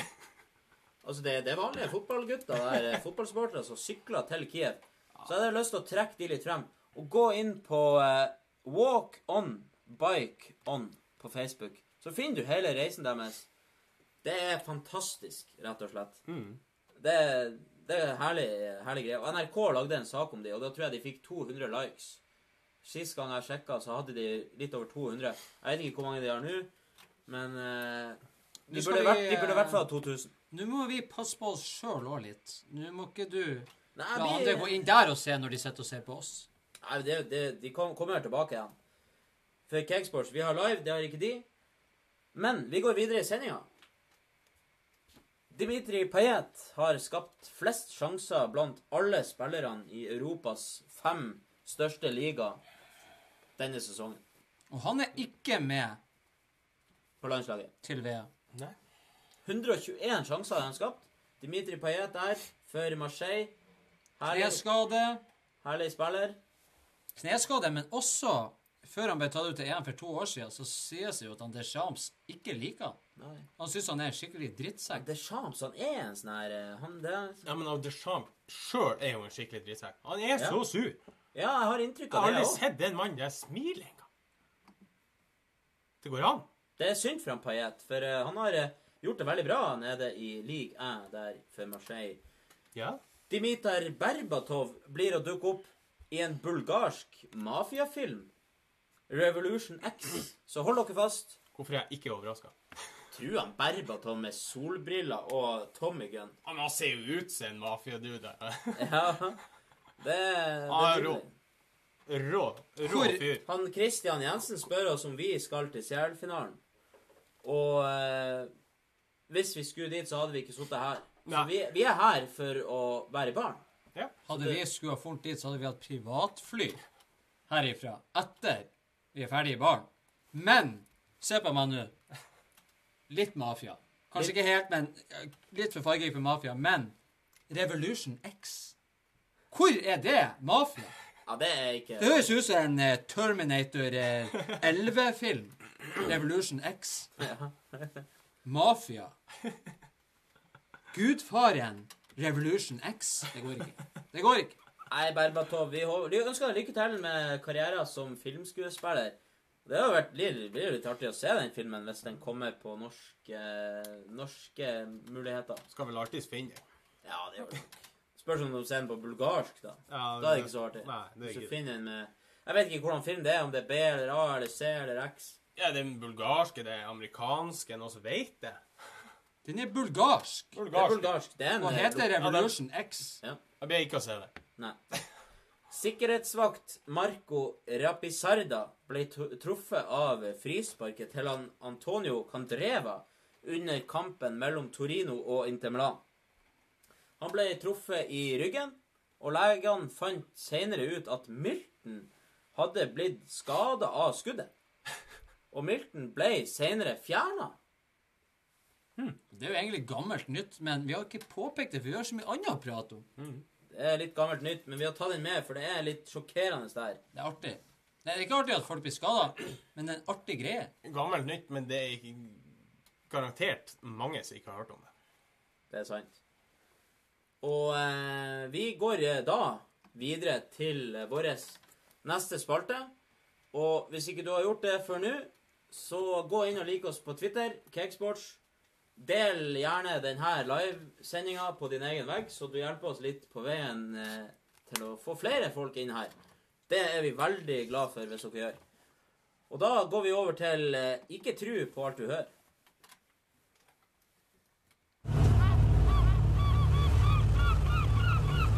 Skål da, folkens! Skål! Skål da!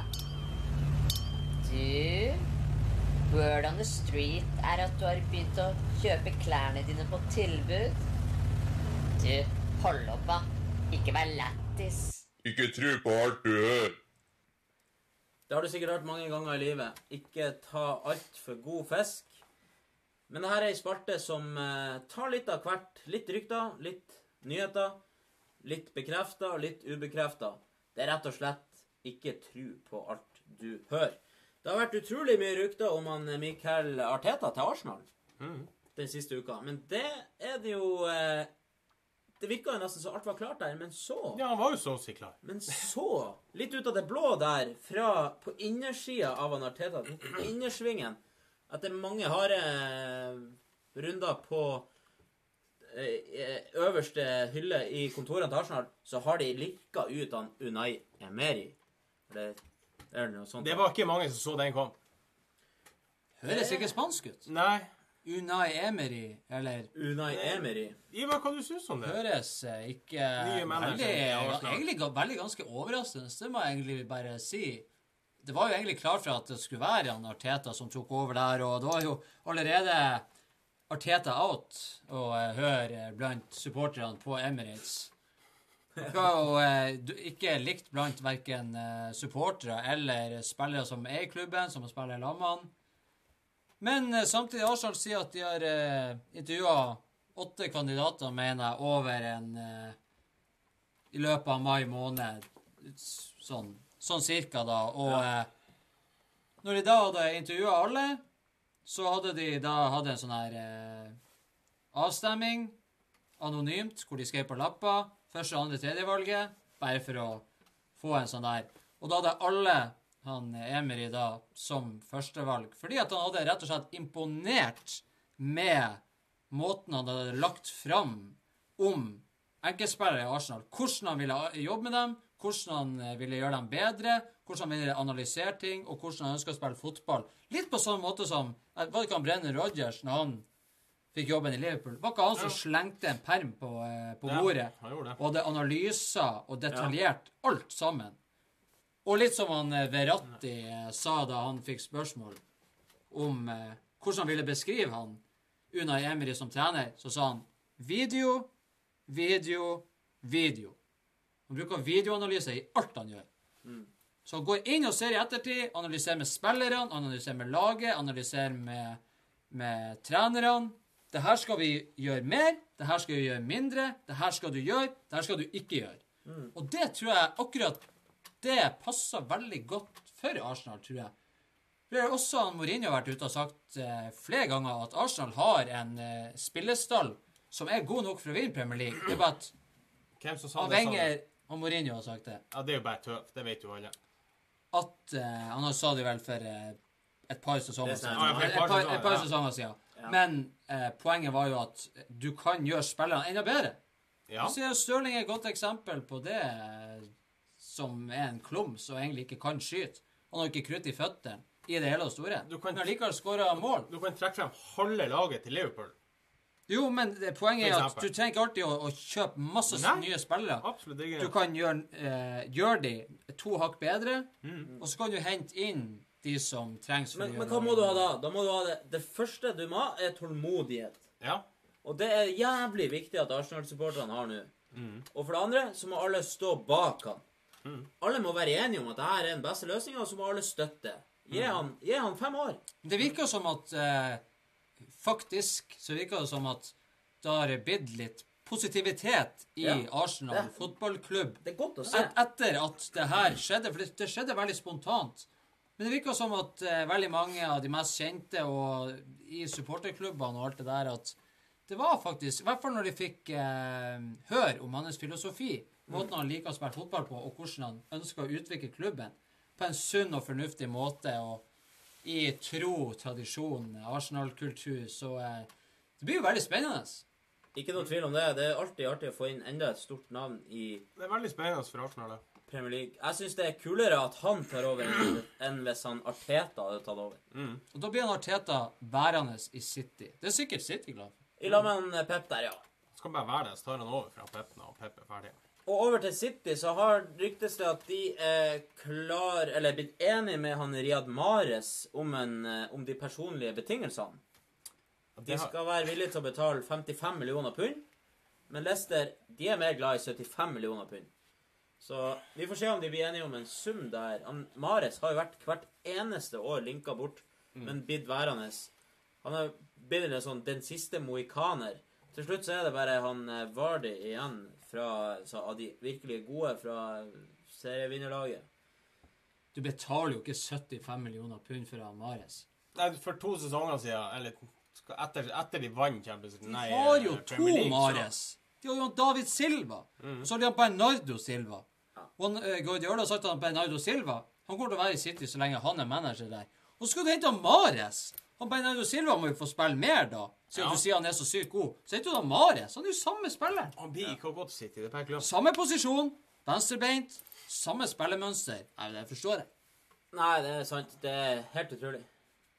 Manchester City, videre med dem. De skal være nær å signere Det er jo veldig mye City-rykter som vi har tatt med her. De skal være nær å signere italienske Jorginho fra Napoli. Ca. 50 millioner pund. Han virker å være den mest Det virker å være den mest eh, sannsynlige destinasjonen for han Jorginho. Og eh, det er jo ei kul signering. Jeg kan Jeg tipper han ender opp i Liverpool isteden. Det tror jeg. Jeg får se. Men hvis han Fekir, Nabi Fekir går til Liverpool, og det har han Keita, hvor skal du ha plass til han? De må spille 4-2-3-1. Og Henderson er jo lovprisa av Klopp. Fekir offensiv midtbane. Og Ja. Keita i lag med han Jorginho. Ja. Så det er ingen Henderson, det er ingen Milner, ingen Wijnaldum. Nei, det Altså, de har Det er kanskje drømmen for mange, det vil Ja, jeg tro. de, skal, de må jo ha en bredere stopp, uh, tropp. De kan jo sitte på benken. Da får du en kjempebenk. Så blir det Men han ryktes, er- Det er mye rykter i, i Liverpool. Og, Ja, det er. men det som er med han Klopp, han, han bryr seg ikke så veldig mye om det. Han vet hva han trenger, virker det som. Og så drar han ut, og så overrasker han litt med City ville jo heller ha en Busquets, men han kosta 200 millioner pund, ja, det er og da Men jeg skal jo si så, Må bare nevne Henderson. Jeg har vært hans største eh, fiende. fiende i mange år. Men siste halvåret har har vært meget bra. Eller egentlig i år så har han vært meget bra. Jeg må Det, si det. det setter litt på spissen Ja, at For eh, Han ble jo vraka til Europaligafinalen mellom Liverpool og Sevilla. men Og så han var skada, da. Ja, ja, men, ja, men han var jo kampklar. Han Ja var jo på da. benken. Han har jo ikke trena eller noen ting. Men, Nei, men Det var for å sette det på spissen. Så, så har han nå fått en litt ny status at Han lå vel nede skada i en kamp for eh, et par måneder siden. og Da var hele Anfield helt stille. Livredd for at han skulle være ute. For vi hadde mye skader på Liverpool fra før, og det var veldig mange supportere som, eh, som begynte å lovprise han Henderson. Så vi får se om de klarer å, eh, å få han Henderson til å bli, eh, bli den de håper han skal bli. Men Liverpool spiller på en måte som gjør han god. Ja. Det, det er noe der, altså. Han har vært bra. Leicester City har bekrefta at de har signert den portugisiske landslagsbacken Ricardo Pereira for 25 millioner fra, pund fra Porto. Han har vært på utlandet i Nice i to år, og det sies at Leicester virkelig skal ha gjort et kupp. Han er bra. Ja. Santi Carzola forlater Arsenal etter seks sesonger i klubben. Den lille magikeren har vært en liten publikumsfavoritt på Emirates. Stor status. Beklagelig at eh, karrieren hans ble ødelagt av skader. Han skal ha takket nei til en trenerjobb i Arsenal. Han returnerte til Villarreal og fortsetter karrieren der. Og jeg så en fin film han la ut på sosiale medier og takka for seg, og det var godt å se at han gjorde det. For det, det er litt sånn trist når spillere bare forsvinner uten at du hører noe mer fra dem.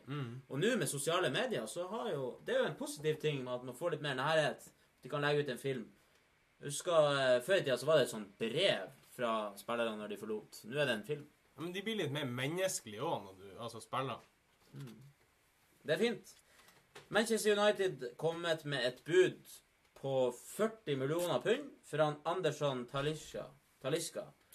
24-åringen har vært på utlån i, eh, fra Benfica til Besiktas denne sesongen. Og Benfica skal nå ha uttalt at spilleren er klar for en Premier League-klubb, uten å røpe hvilken. Og jeg vil bare si at den klubben som får han, for et talent Ja, av rang Han kan skåre på hodet, han kan skåre på høyre, han kan skåre med venstre, han kan skåre på langskudd, han kan skåre inn i boksen, han kan til og med skåre på brassespark. Fantastisk talent. Veldig interessant. Det er veldig interessant. Manchester United, litt mer om, eh, om eh, de. De forventer å ha, forventer å ha den brasilianske Fred klar for, eh, før VM sparkes i gang. Er det han gamle Fred? Ja, han sier Sjaktar. Ja, han Fred. 55 millioner pund skal de eh, visstnok betale for han. Så det, blir jo, det er jo ikke han, L, han gamleste Fred, Ja, Fred, men det er han sier Sjaktar. Han er Man må bare si at for et talent Ja. Det er. Han kan skåre med hodet, han kan skåre med høyre, han kan skåre med venstre. Ja. Han kan skåre på langskudd, han kan skåre inn i boksen, og han kan skåre på brassespark. Jeg har ikke sett på maken. Hvis de henter de to eh, Jeg sier det bare. Vær meget fornøyd, og vær egentlig fornøyd med Jeg tror egentlig at han Fred er det mest sannsynlige. Var på vei til City eh, i januar og i fjor sommer. Skal ha eh, hadde et ønske om å få mer i lønn for at United kom inn på banen. De vet, han vet jo at han kan presse prisen der. Eh, En veldig skapende midtbanespiller som er meget, meget interessant. Det blir spennende å se eh, hvis de får sjansen i Premier League. Ha- Joao eh, Cancelo, som er i Inter Milan på lån fra Valencia, skal være nær en overgang til den røde delen av Manchester, altså Manchester United. Så det er tre på rappen der for Manchester United. 23 år gammel høyreback som er på lån i Inter Milan fra Valencia. Kan jeg egentlig si at Den siste uka så kunne jeg hatt en egen spalte om ryktene til United. For United det virker som at de skal gjøre seg ferdig med kjøpene før VM. ja, men de kommer til å være aktive i år, altså. Kjøp mye spillere. Vi fortsetter like greit med Manchester United. Fellaini skal få tilbud om å forlenge kontrakten med ett år, men han skal selv ønske to år, pluss muligheten for et tredje. AC Milan skal være villig til å gi han det han ønsker, så vi får se hva som skjer der. Jeg må faktisk bare eh, skyte inn. Ja. Det er litt imponerende av Fellaini. Han er egentlig veldig mislikt av veldig mange United-supportere.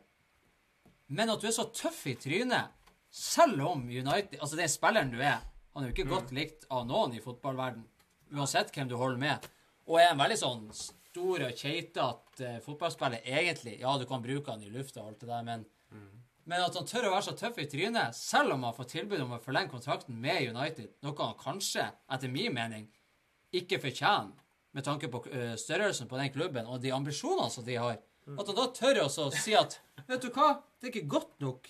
Jeg skal ha mer. Og så var det heller til AC Milan. Da blir jeg faktisk, det må jeg si, da blir jeg litt imponert over.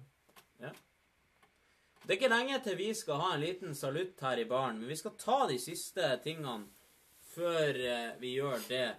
Tottenham har gjort eh, Anthony Martial til sitt øverste transfermål denne sommeren. Det er jo spennende. Martial er jo en kjempespiller. Ikke fått eh, spilt i den beste posisjonen, ifølge han Ivar. Vi Ikke får være med til VM. Får ikke være med til VM. Det er litt synd i han. Er jo en kjempegod fotballspiller som trenger en trener som Han- gir han spilletid. Han må komme seg bort. Ja. Rett og slett. Jerome Boateng han er litt kryptisk om fremtida si i Bayern München. Han sier at han er i en alder og er på et stadie i karrieren som tilsier at han skal være interessert i nye utfordringer. Veldig kryptisk melding der. Så vi får se om han kanskje ender opp en plass. Han har vært mye skada, da. Jeg skulle du si det. Så eh, det er jo et litt risky moment der. Manuel Pellegrini er ny West- Westham-manager. Treårskontrakt. Verdt fem millioner per sesong. Vi ønsker han Pellegrini lykke til. Det er jo en stor jobb der eh, å få Westham på rett kjøl.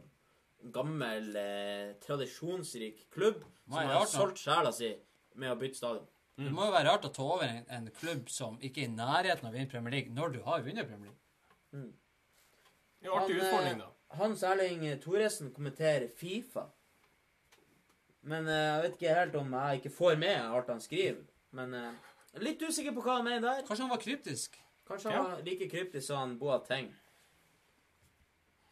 Og PSG-presidenten eh, som vi har tatt frem før, han Nasser Al-Khelaifi, han fortsetter å bruke store ord. Eh, han har nå uttalt at han ønsker Eller han har eh, avslått et bud på 1 milliard for han Kylian Mbappe. Og det har han uttalt at han har avslått. Og det er jo, det er Ja, han ganske- ville vel ha avslått. Ja. Ville ha avslått hvis han hadde fått eh, Hvis han Ja. hadde fått et tilbud om én milliard pund. Ja, at han har uttalt Det er jo ganske utrolig at han har uttalt det, fordi at én milliard pund Altså, du kan jo ikke si nei til det uansett hvem du har. Nei. Tror du at han vil ha han? Han er uerstattelig. Det er Ja. kanskje det han prøver å si. Det, er, et, det er jo fine ord for han Mbappe. Ja, absolutt. Og han Nasser Al-Khelaifi, vi håper du står for dine ord, for du har sagt veldig mye sterke ord nå i det siste. Chelsea ønsker han Robert Lewandowski for eh, 100 millioner pund nå i sommer. Det er jo spennende. Chelsea har jo ikke De har slitt med å finne en ny spiss etter han Drogba tok kveld der. Prøvd både Torres ja, nå har de jo han Han Costa for jo Var jo god der, men Men få da Giroud nå. Giroud, ja. Men han Giroud, han er Skåra viktige mål. Han gjør jo det. Og en veldig fin plan B. Ikke startoppstilling med plan B. Hvis du vil spille den plan B-en, da, så er det en fin plan B. Ja. Det er jo en fin plan å ha. Ja, ja. Giroud som main man gjennom hele sesongen Nei, det kan ikke være Ikke hvis du skal være Altså, Greit nok, han er jo ikke dårlig, men han er jo ikke den du Du er ikke først topp fem spissen i Premier League. Det har vært artig å se den Lewandowski i Premier League, da. Det det. Veldig artig. Jeg har faktisk en følelse på at det kan skje. Mhm. For at uh, han har eh, lenge lyst til å dra til Real Madrid. Real Madrid vil ha Neymar eller Hazard. Jeg tror ikke de blir å gå etter han Lewandowski. Lewandowski. Nå fikk vi beskjeden fra Hans Erling. Fifa Nord sportsreiser spanderer pølser etter sending. Så det vil si at eh, Fifa Nord sportsreiser de kommer hit med pølser til oss etter sending. Og det er veldig fint å høre. Ikke dårlig. Takk for det, Fifa Nord sportsreiser. Eh, Carlo Ancelotti er ny Napoli-manager. Toårskontrakt verdt 6 millioner pund per sesong.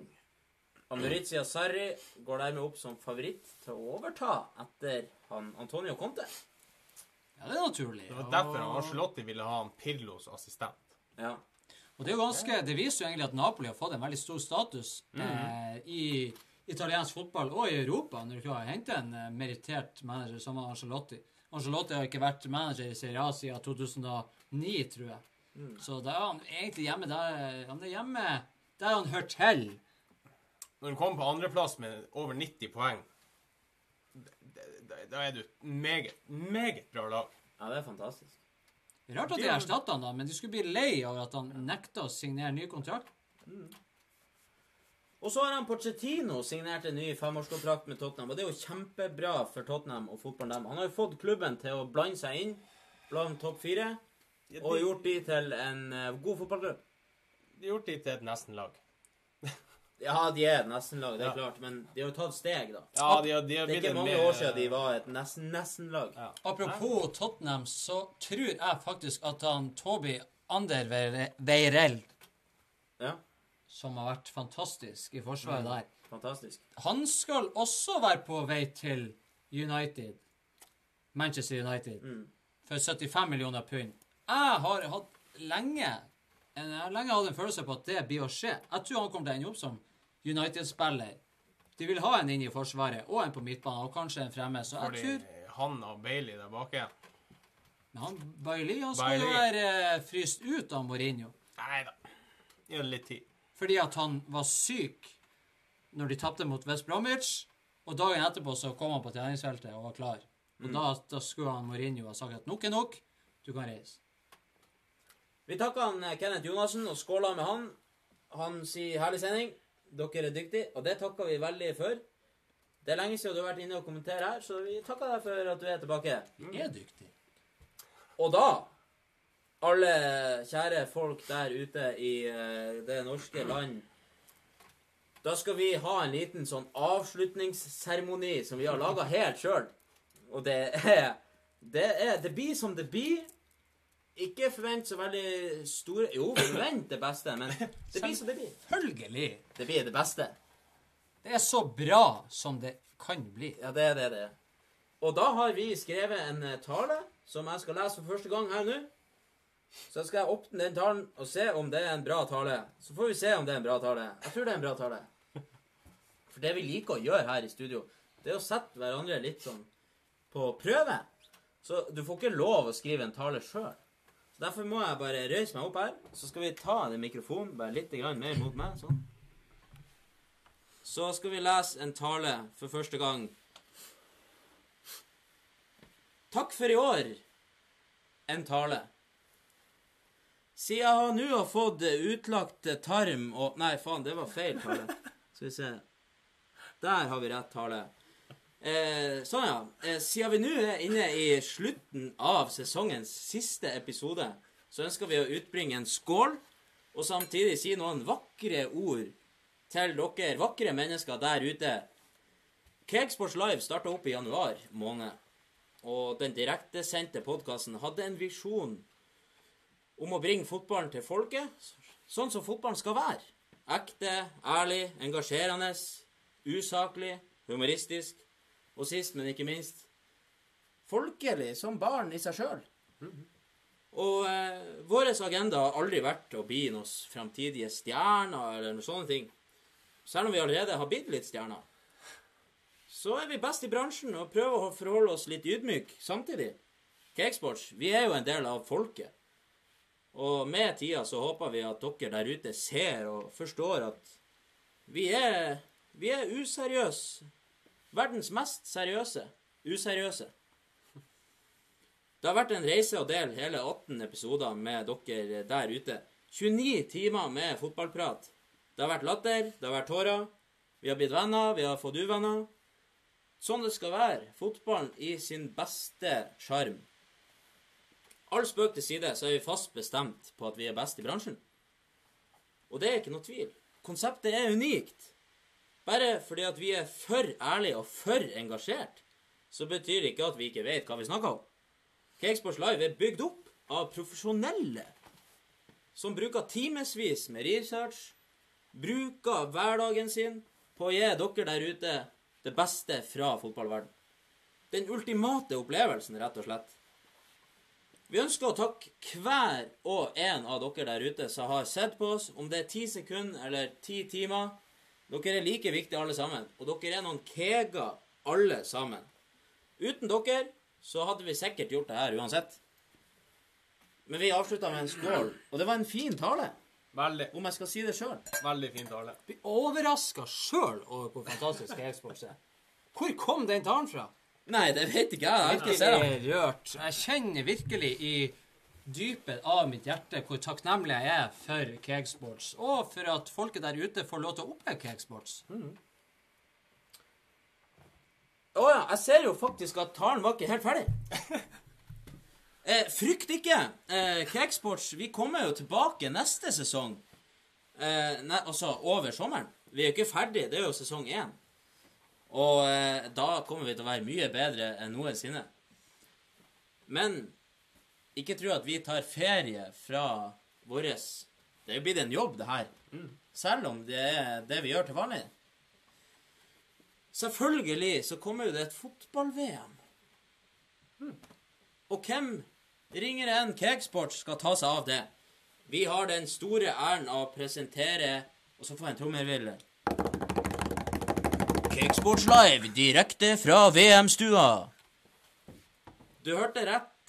Under sommerens fotball-VM så kommer vi til å kjøre livesendinger kontinuerlig fra Kegsport sitt eget VM-telt. Og det er eksklusivt. Bare vent og se. Og Her blir det også ærlige meninger, heftige debatter, diskusjoner, fun facts, humor og massevis av konkurranser. Vi har mange landslagsdrakter skal deles ut til dere der ute. Vi ser frem til heidundrende eh, turnering i Russland. Og da var talen ferdig. Skål! Eksklusiv. Eksklusiv. VM-stua til Cakesports blir eksklusiv og fantastisk. Unikt! Aldri sett noe lignende. Det er bare å møte opp eh, eh, Men ikke etter klokka 11. Må du se skjermen, eller? Nei, det må jeg ikke. Du trenger ikke det? Tenk å se skjermen. Nei? Da har jeg en Ivar til slutt eh, ønska å si noen ord her eh, i baren helt på slutten. Og Jeg tenker å si dem. Nei. Jeg skal si dem, men jeg skal si det på en litt annen måte. Ja, det er fint. Jeg gleder meg. Og så er det jo sånn at jeg har jo ikke noe i bakgrunnen. Men jeg later som at jeg har det allikevel. For du starta opp på vinteren. Fotballkunstner nummer én. Og navnet skjemmer ingen. Selv om pilsa ble bytta ut med fire-fem-en. Så ble du sjef i Norge. Et etterlengta kek. Og da gikk alt så mye bedre. Men det var ikke rart. Det var ikke rart med lyttere som oss. Så takk for alt du sa, Cakesports. Takk for alt du ga, Cakesports. Takk for alle gledene som vi har hatt med deg. Norge gråter nå, Cakesports. Det må du forstå, Cakesports. Vi vil aldri glemme, vi vil aldri glemme deg. Takk for alt du sa, Cakesports. Takk for alt du ga, Cakesports. Takk for alle gledene som vi har hatt med deg. Norge gråter nå, Cakesports. Det må du forstå, Cakesports. Vi vil aldri glemme, vi vil aldri glemme deg. Fei timing! For ei nydelig! Det var akkurat nok bluss der. Og da sier vi skål. Da sier vi skål. Og så sier vi til dere der ute takk for i år. Takk for at dere fulgte oss, våre livesendinger. Men vi er tilbake i VM med et litt nytt opplegg. Følg med, og bare del oss. Del oss. Likte du avslutninga? Del oss. Takk for oss. Og da sier jeg som vanlig Siste skål. Jeg må ha skål til. Vi er blitt så flinke å spare.